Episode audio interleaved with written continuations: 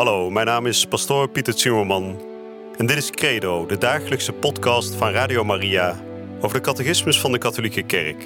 Samen dringen we elke dag een beetje dieper door in het prachtige plan van liefde dat God met elk van ons heeft. Laat je inspireren en ga met ons mee op deze avontuurlijke reis door het geloof.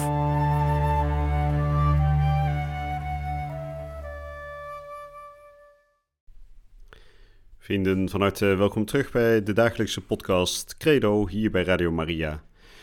Waarin we bezig zijn de gehele catechismus te behandelen. En dat betekent dat we inmiddels zijn aanbeland in het stukje uit de geloofsbeleidenis dat gaat over de Zoon van God, Jezus Christus, onze Heer.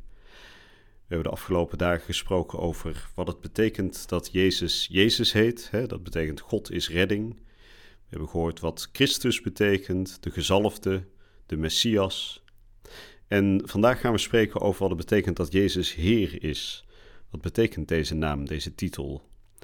We komen de naam in het Oude Testament vaak tegen, maar in Jezus krijgt ook deze naam zijn vervulling. Daar gaan we vandaag over spreken. Nou, we zullen zoals gebruikelijk weer eerst beginnen met een kort gebed. En voor dat gebed zullen we het ook weer even stilmaken van binnen. In de naam van de Vader en de Zoon en de Heilige Geest. Amen. Oneindig goede God, U bent koning over hemel en aarde. En alles wat U hebt, Heilige Vader, heeft Uw Zoon ook. Hij deelt volledig in de goddelijkheid die U al voor de tijd bezat. Heer God, wij geloven dat Uw Zoon Jezus Christus leefde voor de wereld werd geschapen. Hij is volledig één in wezen met U. En alleen door Hem kunnen wij U volledig leren kennen.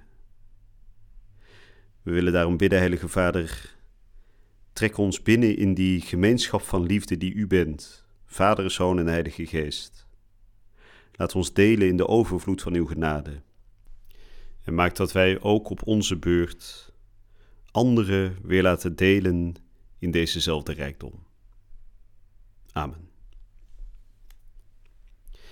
Ik lees vandaag voor de nummers 443 tot en met 451. Als Petrus het transcendente karakter van de goddelijke afstamming van Jezus de Messias heeft kunnen herkennen, dan komt dat omdat deze laatste dat duidelijk te verstaan heeft gegeven.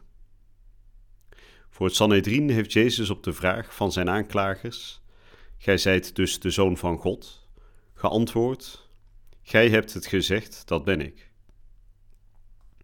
Lang tevoren heeft hij zichzelf al aangeduid als de zoon, die de Vader kent.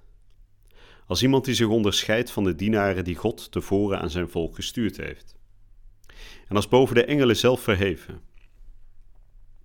Hij heeft een onderscheid gemaakt tussen zijn afstamming en die van zijn leerlingen, door nooit te zeggen onze Vader, behalve om hun op te dragen: Gij moet daarom zo bidden onze Vader.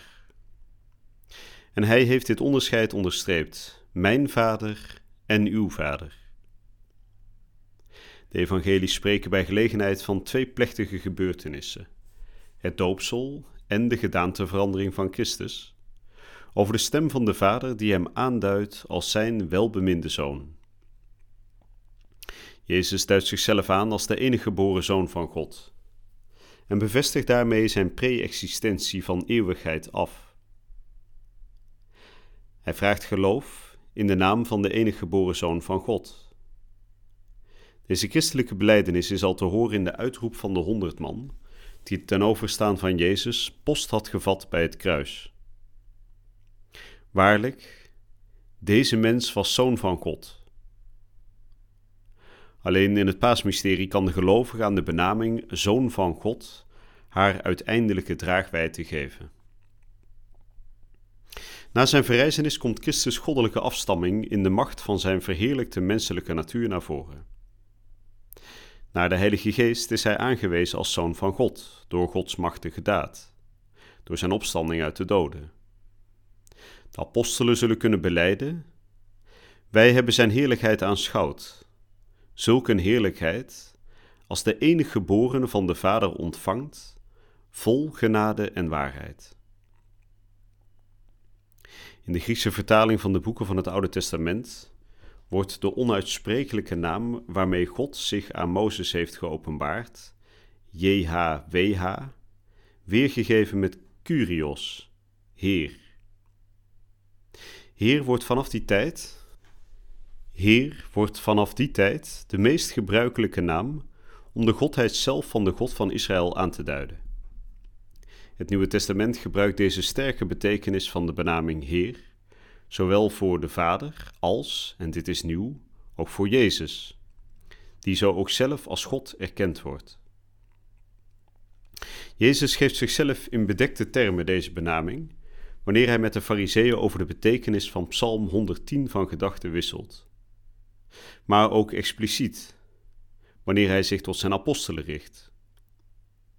Zijn hele openbare leven lang toonde de daden waaruit zijn macht over de natuur, over ziekte, demonen, dood en zonde sprak, zijn goddelijke soevereiniteit. Zeer vaak richten mensen zich in de evangelies tot Jezus, terwijl zij hem Heer noemen. Deze benaming getuigt van de eerbied en het vertrouwen van hen die tot Jezus komen en die van Hem hulp en genezing verwachten. Onder de inspiratie van de Heilige Geest drukt zij de erkenning uit van het goddelijke mysterie van Jezus. In de ontmoeting met de verrezen Jezus wordt zij aanbidding, mijn Heer en mijn God. Zij krijgt dan een gevoelswaarde van liefde en genegenheid, die eigen zal blijven aan de christelijke overlevering. Het is de Heer.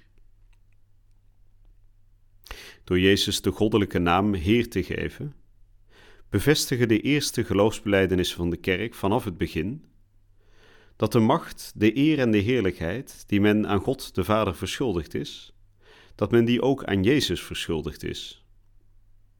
Hij bestond immers in goddelijke majesteit.